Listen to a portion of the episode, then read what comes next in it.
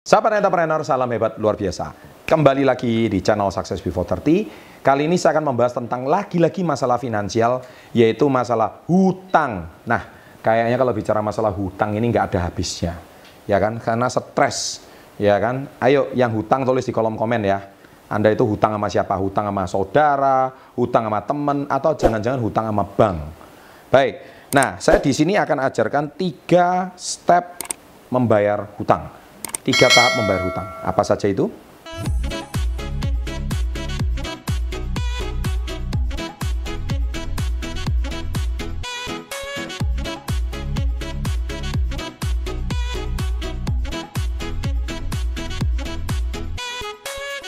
Nah, jadi gini ya, eh, hutang itu bisa juga sama teman, hutang bisa juga sama orang tua.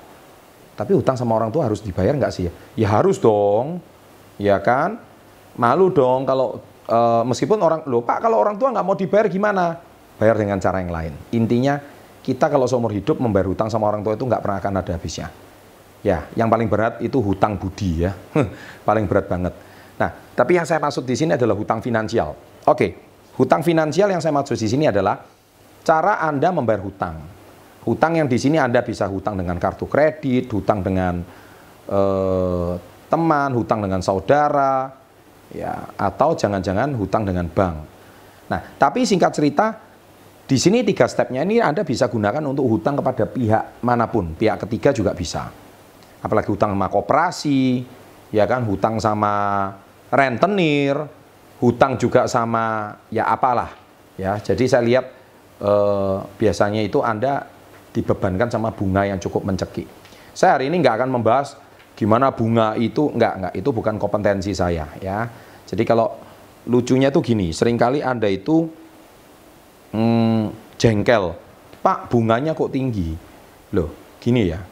Nggak ada ceritanya orang mau memberikan hutang secara gratis itu enggak ada. Nggak ada.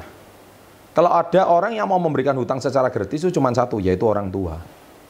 Titik. Di luar itu ya nggak ada. Semua dikenakan bunga ya wajar karena nggak ada ceritanya pinjam uang gratis. Lah kok lucu? Kalian itu bagi butuh uang, dipinjemin uang, tapi kalau bayarnya kok setengah mati. Ya kan nggak bisa seperti itu. Itulah sebab kenapa hari ini bank selalu verifikasinya ketat ketika mau mengucurkan dana kredit.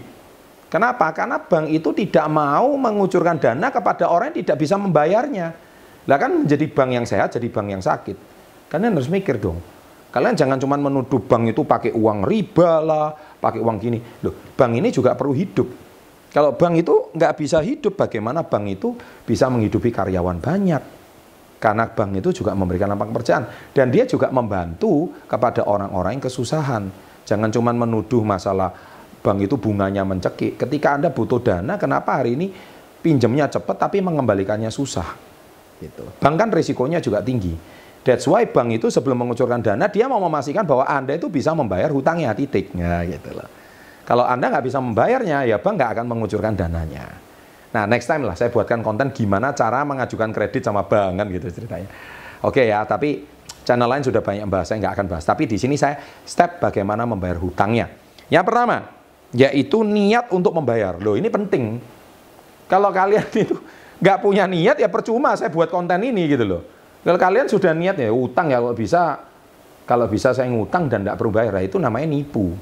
Berarti kalian itu memang niatnya udah nipu dan makan duit orang lain. Ya kan, lo Pak, tapi saya ini kesusahan Pak, saya nggak bisa bayar gini gini gini gini gini gini. Lo Anda itu bikin drama atau memang kenyataannya seperti itu. Kalau memang kalian itu memang uh, diberikan kebijakan pinjam uang, tapi kalau misalkan Anda tidak bisa mengembalikannya dengan alasan apa pun, berarti itu sebetulnya memang kalian itu tidak punya niat. Tapi kalau kalian memang punya niat untuk membayarnya, niscaya ya hutang itu akan lunas. Ya, jadi nomor satu menurut saya niat itu is everything. Niat itu segala-galanya. Kalau kalian tidak punya kemauan untuk membayar, percuma tinggalkan video ini sekarang juga. Karena apa? Kalian niat bayar pun nggak ada gitu loh. Jadi nomor satu itu niat dulu. Tapi kalau niat itu sudah nggak ada loh Pak, saya hutangnya satu juta, tapi mampu nyicilnya tuh sepuluh ribu, sepuluh ribu. Lu ya nggak masalah. Yang penting Anda punya niat membayar. Gitu loh. Saya punya hutang 1 M, tapi nyicilnya 100 ribu, 100 ribu. Nggak masalah. Yang penting dibicarakan. Itu nanti di step Yang penting ada niat dulu. Cari usaha lagi. Kalau Anda sekarang jatuh usahanya, kenapa kok kemarin sampai bisa hutang sampai 1 M? Nah, cari tahu penyebabnya itu apa. Gitu. Ya, nah itu yang pertama. Yang kedua, tahu nominalnya. Ya, tahu nominalnya. Jadi Anda harus cek dulu nominalnya berapa, dan setelah Anda tahu nominalnya, otomatis Anda akan cari cara gimana saya melunasi hutang ini. Kalau Anda nggak tahu nominalnya percuma. Kenapa? Eh, hutangmu kemarin berapa? Wah, kira-kira lo yang nggak bisa. Nah ini kan berarti Anda hutang sama pihak ketiga. Kira-kira segini, ya nggak bisa. Hutang itu nggak bisa kira-kira. Harus tahu nominalnya. Kalau nominalnya itu jelas, misalkan, oke sekian ditambah bunga sekian. Nah ini nominalnya keluar sekian. Nah ini cara pembayarannya seperti apa. Nah itu baru step yang ketiga. Komitmen untuk membayar atau komitmen untuk mencicil. Ya. Nah jadi kalau Anda nggak punya niat, nggak guna. Kalau niat sudah ada, kita cari tahu nominalnya itu berapa. Nah kalau memang niatnya Anda itu lari, ya percuma gitu loh. Lari dari hutang percuma. You are coward, pengecut. Gitu loh. Tapi kalau Anda memang sudah jelas komitmen untuk mencicilnya, skemanya itu gimana?